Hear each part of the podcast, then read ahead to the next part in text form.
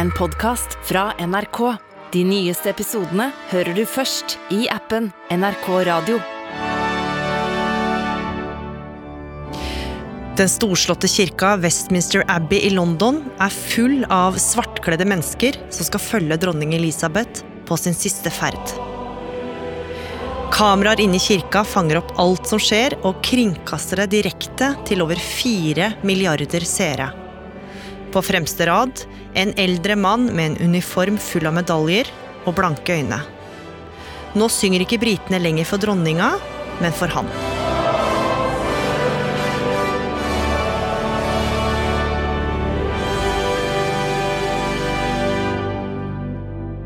I over 70 år har Charles blitt drilla i øyeblikket da han skal ta over tronen. Men nå lurer mange på hvordan han vil klare å fylle rollen som konge, og om han i det hele tatt passer til å være en. Du hører på Oppdatert. Jeg heter Gry Veiby. Prins Charles, eller nå kong Charles 3., han har vært tidenes lengstsittende tronarving. For å si det litt fleipete, han fikk eh, honnørbillett på bussen lenge før han fikk eh, krone. Han har eh, blitt pensjonist før han begynte i jobben for alvor, og i motsetning til sin mor, så visste han hele livet at han skulle ta over tronen. Espen Aas, du er tidligere London-korrespondent, og dekka også begravelsen til dronning Elisabeth, og nå er altså Charles blitt konge, og mange lurer på hvordan det kommer til å gå. Ja, ikke bare er det veldig store forventninger å innfri etter uh, sin mor, men prins Charles var jo også en helt annen karakter enn det moren var. og han har brukt store deler av livet på å gjøre ting som kanskje briter flest har blitt litt forundret over, og spørsmålet er nå hvordan han skal fylle morens veldig store sko. Ja, for veien fram mot kongetittelen har vært prega av skandaler, mobbing og familiefeider. Ved et skrivebord på den kjente og ærverdige kostskolen Gordonston i Skottland i 1961 sitter en litt usikker gutt i begynnelsen av tenåra og skriver et brev han har tenkt å sende hjem til foreldra sine. I brevet skriver han at han blir mobba på skolen, og at han føler at han ikke passer inn. Han forteller at han blir slått av skolekameraten om natta fordi han snorker, og også på dagtid på rugbybanen blir han slått og sparka av skolekameratene. 13 år gamle Charles beskriver rett og slett skolehverdagen som helvete på jord. Charles poster brevet, og etter noen dager så kommer det fram til foreldra hans. Men han får jo ikke helt den responsen han hadde håpa på, Espen. Nei. Dette brevet, som nærmest beskriver en hverdag fylt med tortur, blir møtt med et skuldersjekk, ikke minst hos hans far, prins Philip, som elsket å gå på akkurat den samme skolen da han var ung, og tenker at uh, dette er bare bra for uh, sønnen. Det styrker karakteren. Dette er uh, noe som skal hjelpe ham til å bli mann. så det er ingen respons på dette ropet om hjelp. Og det her var jo egentlig også et godt bilde på hvordan hele oppveksten til Charles hadde vært. Han så ganske lite til foreldrene, og de han så mest til, var barnepikene. Moren hans ble jo dronning da hun var eh, veldig ung, og Charles var jo bare en liten gutt. og Så fort hun ble dronning, så begynte jo foreldrene å reise verden rundt, og da ble mye av tiden tilbrakt sammen med barnepikene og, og grandonkelen, da, lord Mountbatten, som han på mange måter eh, hadde et nærmere forhold til enn sine egne eh, foreldre. Og det er jo et veldig berømt bilde da foreldrene kommer tilbake fra en turné da i samveldelandet, det som en gang var det store britiske imperiet hvor prinsen står og venter på mamma og vil ha en klem, som han aldri får, fordi mamma håndhilser på sønnen, og så går hun, og så får han den klemmen i stedet av en barnepike. Selv om Charles kanskje ikke alltid fikk oppmerksomheten han ønska seg fra foreldrene, så fikk han jo oppmerksomheten til hele det britiske folk. Han ble rett og slett lagt merke til hvor enn han var.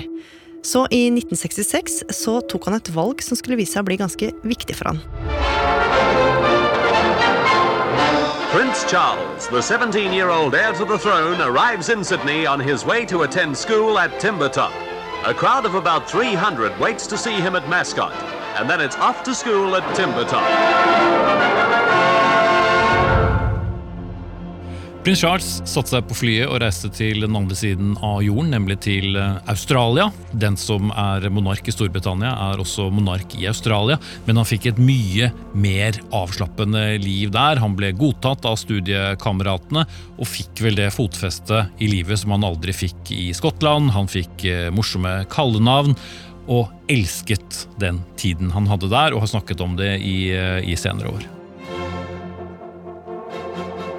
Etter halvåret i Australia så kunne det virke som at Charles hadde blomstra, og tilbake i Storbritannia tok han en bachelorgrad ved det prestisjefylte universitetet Cambridge. På det tidspunktet her så var han blitt en veldig ettertrakta ungkar, og det var knapt nok en singel jente i Storbritannia som ikke drømte om å bli sammen. Han var jo tross alt Storbritannias fremtidige konge, men han hadde ingen seriøse offentlige forhold. Men så Espen, helt tilfeldig så skulle han møte det som skulle bli sitt livs kjærlighet. Ja, for prinsen av Wales, Charles, eh, hadde blitt 22 eh, år, og en av hans store lidenskaper det var å spille polo, som jo aller mest ser ut som en litt avansert krokket eh, til hest. Og på en polokamp da i Windsor, der hvor det store kongelige slottet ligger, sørvest for London, traff han på en ung kvinne som het Camilla. Lys, fager, og hun eh, fattet umiddelbart prinsens eh, interesse. Kom fra en eh, overklassefamilie selv, eh, visste hvordan hun skulle omgås med kongelige, og hun var da sammen med sin kjæreste. Andrew, som også skulle spille polo, og var en, en flink polospiller. Og idet de passerer hverandre, så sier den ikke så veldig diskré eh, Camilla eh, Idet hun strekker hånden eh, frem til han, så sier hun at eh, 'min oldemor var din tippoldefars elskerinne'. What do we do about that? Hva gjør vi med det? Så Charles og Camilla kom fort i prat og oppdaga at de hadde samme interesser og samme form for humor. Men den gryende romansen fikk ikke utvikla seg særlig lenge. For Charles skulle kort tid etter reise til militæret og tjenestegjøre i Luftforsvaret. Men selv om Charles visste at Camilla hadde kjæreste, så viste det seg ganske fort at de to ikke klarte å slutte å tenke på hverandre. I desember i 72 var de sammen en hel helg før Charles skulle tilbake til militæret i åtte måneder i strekk. Og den helga her så innså Charles at Camilla var sjelevennen hans, og at han ville tilbringe livet sammen med henne. Men det fikk ikke Camilla vite, for Charles innrømte det aldri for henne.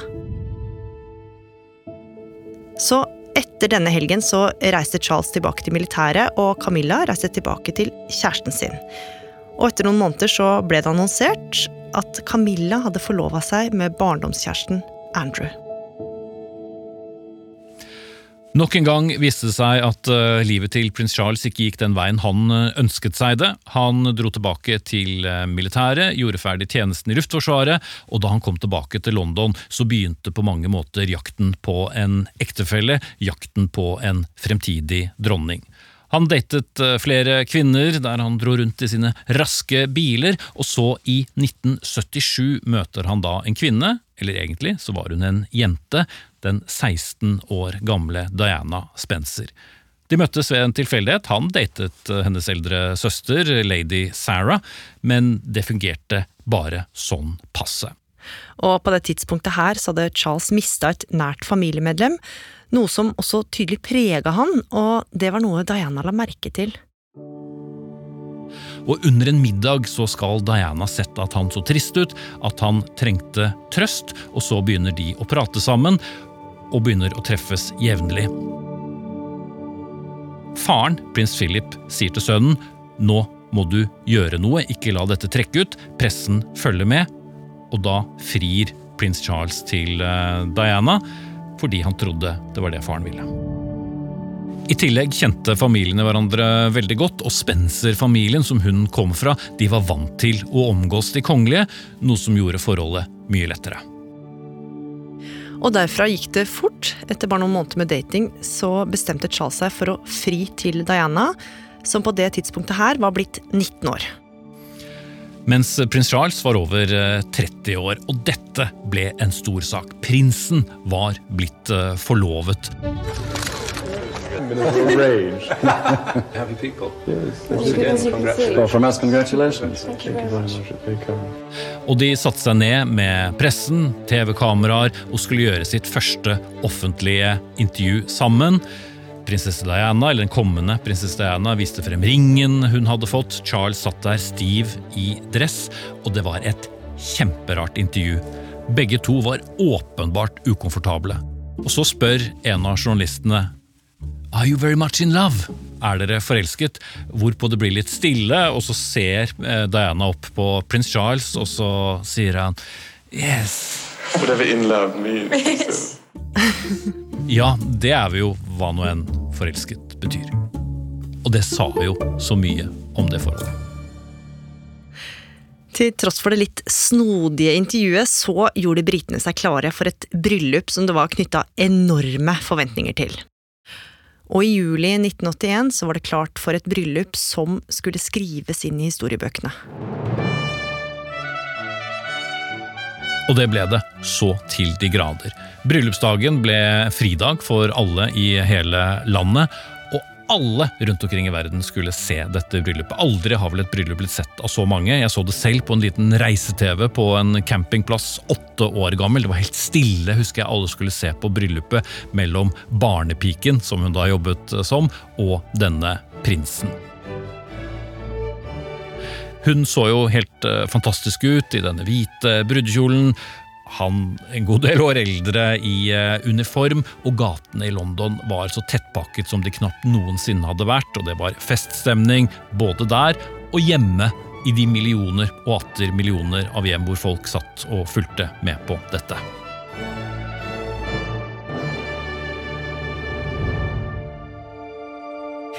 Og etter bryllupet skulle man da tro at det som da var verdens mest kjente par, hadde fine hvetebrødsdager, men det ble jo ikke helt sånn, Espen. De kjente jo knapt hverandre. De hadde møttes 13 ganger før de giftet seg.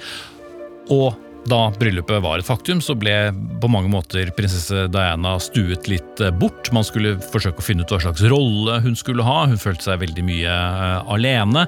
Og hvis vi tenker tilbake på oppveksten til prins Charles, så var jo det en oppvekst eh, preget av vanskeligheter når det gjaldt det å vise følelser, og du kunne se det på en del opptak av de to sammen. De er åpenbart ukomfortable. De ser knapt på hverandre under middager. De smiler når de skal til TV-kameraene, og det var det. Og mange lurte jo på om Charles i det hele tatt var forelska i Diana, men selv om ikke han var det, så ble jo nesten alle andre det. Prinsesse Diana hun ble superstjerne. Hun ble som en rockestjerne. Hun ble verdens mest avbildede person. Og mange var kanskje ikke så opptatt av prinsen av Wales lenger. Du kunne se bilder hvor eh, hun sto og strålte, og så var han et par skritt bak. Litt som faren hans eh, ofte var eh, i skyggen av dronning Elisabeth. Alle skulle ha en bit av prinsesse Diana, og mange brød seg ikke så mye om ektemannen. Og ettersom årene gikk, så fikk de to sønner sammen, nemlig William og Harry. Men det gikk jo ganske dårlig i ekteskapet, og det begynte også å versere diverse rykter om utroskap fra begge sider. Og det hele skulle virkelig toppe seg noen år seinere. With regret, the Prince and Princess of Wales have decided to separate. Their Royal Highnesses have no plans to divorce, and their constitutional positions are unaffected. And they will both to continue to participate fully in the upbringing of their children. I 1992 så annonserte daværende statsminister John Major at eh, de to skulle separeres etter 15 år, og det var i seg selv en skandale, fordi han var jo tronarving. Det som også var spesielt med denne separasjonen, var at den var skandaleomsust. Det verserte historier i mediene om utroskap fra begge sider. Det ble til og med stilt spørsmål om prins Charles var faren til parets yngste sønn, prins Harry, fordi han hadde rødt hår, slik en angivelig elsker av prinsesse Diana hadde, selv om de møttes først etter eh, at prinsen ble født. Og etter hvert så begynte begge leire å bruke pressen mer og mer for å sverte den andre. Og idet Charles og Dianas forhold praktisk talt var over, så flere tabloidaviser sitt snitt til å publisere det som skulle vise seg å være svært intime detaljer, nemlig en telefonsamtale mellom Charles og Camilla, som hadde funnet sted fire år tidligere, da han fortsatt var gift med Diana. Og dette er en telefonsamtale som er veldig intim. Ikke bare fordi at de snakker mye om at de savner hverandre, at de savner om å være sammen, men de savner også å være intime sammen. Og på et tidspunkt i samtalen så sier prins Charles, Storbritannias fremtidige konge, at han skulle ønske han kunne bli en tampong, sånn at han kunne bo i Camillas underliv. Samtalen lekkes til mediene, det blir kjempeoppslag, og saken får navnene Camilla Gate, eller enda verre, Tamponggate. Og selv om det hadde blitt lekka tidvis ekstremt intime detaljer om forholdet mellom Charles og Camilla i mediene, så var det til da ingen som hadde slått fast at de faktisk hadde hatt et forhold på si. Men plutselig ble Charles vitne til at Diana bekrefta hans utroskap i et omstridt intervju på riksdekkende TV. Well, there were three of us in this marriage, so it was a bit crowded. Årene etter skilsmissen så fortsatte de begge med de kongelige pliktene sine, men hver på sin kant. Og det var først i 1996 at de to offisielt ble skilt. Og til tross for dette så sto Charles fortsatt hele tida i skyggen av Diana, og det var ingen tvil om at han var den minst populære av de to. Så skjedde det noe som skulle ryste verden. Prinsesse Diana ble drept i en bilulykke i Paris i morges. Diana, prinsesse av Wales, has in fact been killed in that car accident. She was taken to hospital in the early hours of the morning. Surgeons tried for two hours to save her life, but she died at three o'clock British time. Og i etterkant av dette fikk kongefamilien utrolig mye kritikk for ikke å ha vist sorg.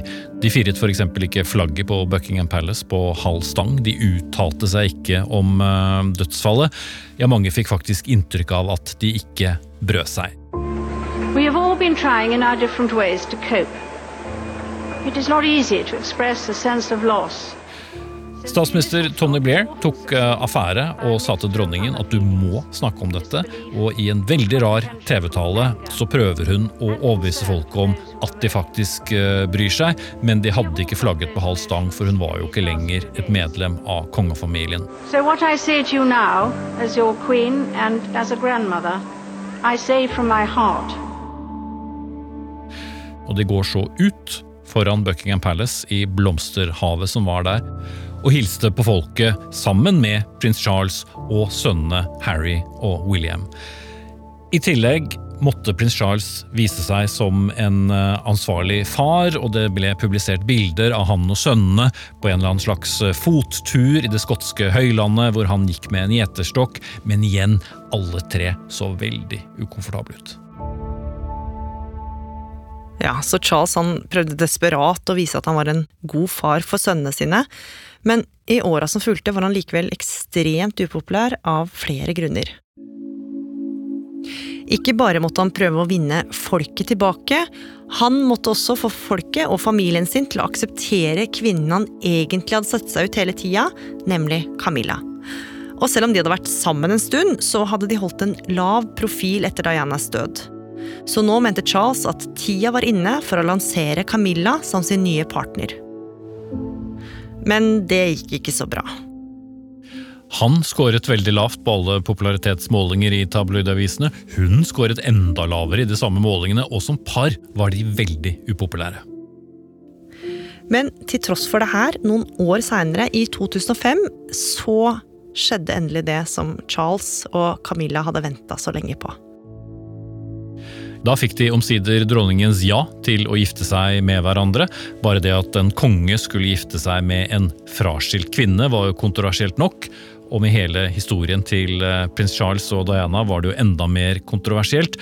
Og bryllupet ble jo ikke akkurat et eventyrbryllup. De sto nå der på en trapp og hilste til folket som nærmest litt motvillig hyllet dem. Og nå som Charles var eh, godt gift på ny, og ting begynte å roe seg, så kunne han endelig begynne å fokusere mer på flere av hjertesakene sine, Espen. Prins Charles var jo kontroversiell også i den forstand at han var mye mer politisk enn moren. Moren sa aldri noe kontroversielt i hele sitt liv, prins Charles gjorde det ofte. Han var en av de første som var opptatt av miljøvern og økologisk landbruk. Som prinsen av Wales hadde han store eiendommer der han produserte økologiske varer. Han kritiserte det han mente var veldig stygg arkitektur i London og andre storbyer. Og så var han veldig opptatt av homopati, altså alternativ medisin. Men selv om Charles var veldig opptatt av klima, så var det jo ikke alltid at han traff helt blink. Det er noe med liv eh, å lære. I et eh, intervju med en eh, journalist som han hadde på besøk hjemme i hagen, begynte de å snakke om bilen til prins Charles, en Aston Martin, som han var veldig veldig glad i. Well, yes, yes. But um, that was before we knew what the problems were, particularly. But I my old Aston Martin, which I've had for 51 years, that runs on, can you believe this, surplus English white wine. You and, and whey from the cheese process. Og så spør journalisten går ikke den bilen på bensin, da? Nei da, sa Charles, den går på vin og ost. Han hadde fått bygget om bilen, fikk kritikk, og nok en gang ble han et symbol på en naiv overklasse. Og det var ikke bare kritikk mot det noe interessante forsøket på å kjøre miljøvennlig i form av å gjøre om maten kongefamilien hadde spist til drivstoff. Men utover 2010-tallet så skulle det dukke opp flere saker som sørga for at mange rynka på nesa når det kom til Charles og kongefamilien. Prins Charles måtte stå og se på at hans egen familie ble splittet. Hans yngste sønn Harry og kona Meghan flyttet uh, til utlandet og brøt med resten av kongefamilien. Lillebroren hans, Andrew, ble involvert i den store Epstein-skandalen, og det ble klart at han hadde begått overgrep mot en mindreårig. Og på toppen av det hele så ble det også klart at eh, prins Charles gjennom flere år hadde skrevet veldig politiske brev til flere av landets eh, statsministre, der han åpenbart forsøkte å påvirke politikken. Og mens alt dette her skjedde, så så også Charles hvordan mora hans ble stadig svakere og eldre, og han fikk stadig flere oppgaver som hun tidligere hadde hatt. Og så, i september i år, så fikk han den telefonen han fryktet. Han måtte komme seg så fort som mulig til Skottland og slottet Balmoral, hvor dronningen var, og var blitt veldig syk. 96 år gammel trakk dronning Elisabeth sitt siste pust. Within the past few minutes, Buckingham Palace has announced the death of Her Majesty Queen Elizabeth II. The royal palace has just informed Great Britain's Queen Elizabeth II has died. Og det skulle bli tidenes største og ikke minst dyreste begravelse, med et uh, sikkerhetsoppbud som uh, savnet sidestykke. Dit kom uh, den amerikanske presidenten, dit kom Natos generalsekretær, dit kom kongelige og øvrighet fra hele verden. Og med det skjedde det som den 73 år gamle Charles hadde vært drilla på hele livet.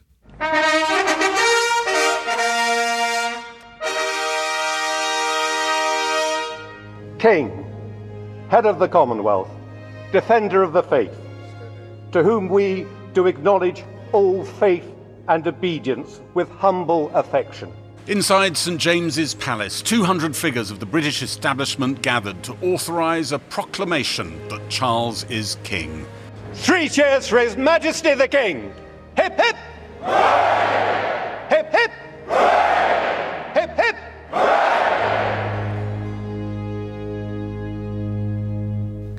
Og Espen, det mange lurer på nå, er jo hvordan kommer Charles til å bli som konge?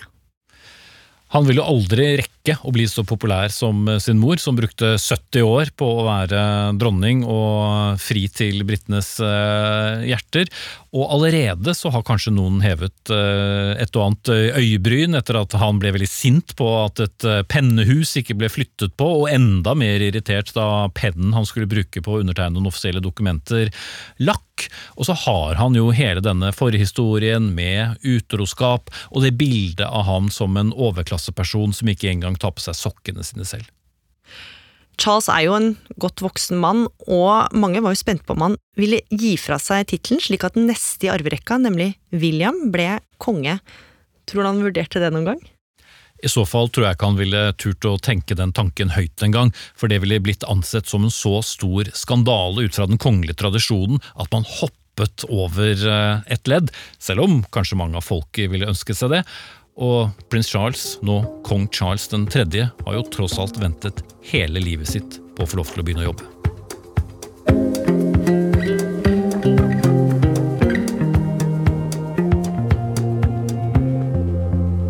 Oppdatert er en podkast fra NRK Nyheter. Og denne episoden den ble laga av Hanna Kolås. Espen Bjørlo Mellem. Andreas Berge. Og meg, Gry Veiby. Programredaktør er Knut Magnus Berge. I denne episoden så har du hørt klipp fra CNBC News, BBC News, Sky News, Channel 4 News og NRK.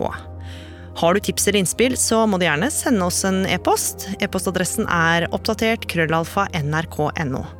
Og du, liker du det du hører, så må du også gjerne tipse en venn om oss. En podkast fra NRK. Komiker Marta Leivestad deler diktet som alltid får henne til å gråte. Hvis jeg kommer hjem fra byen og er litt full og liksom At nå må jeg føle på noe, da, da leser jeg da diktet. Når du kommer hjem fra byen? Ja. Så det er, sånn, det er, det er Grandiosa i komfyren, holdt jeg på å si, og, og diktet til Jan Erik Vold. Helt riktig. Det har skjedd overraskende masse. Podkasten Brenner deler dikt hører du først i appen NRK Radio.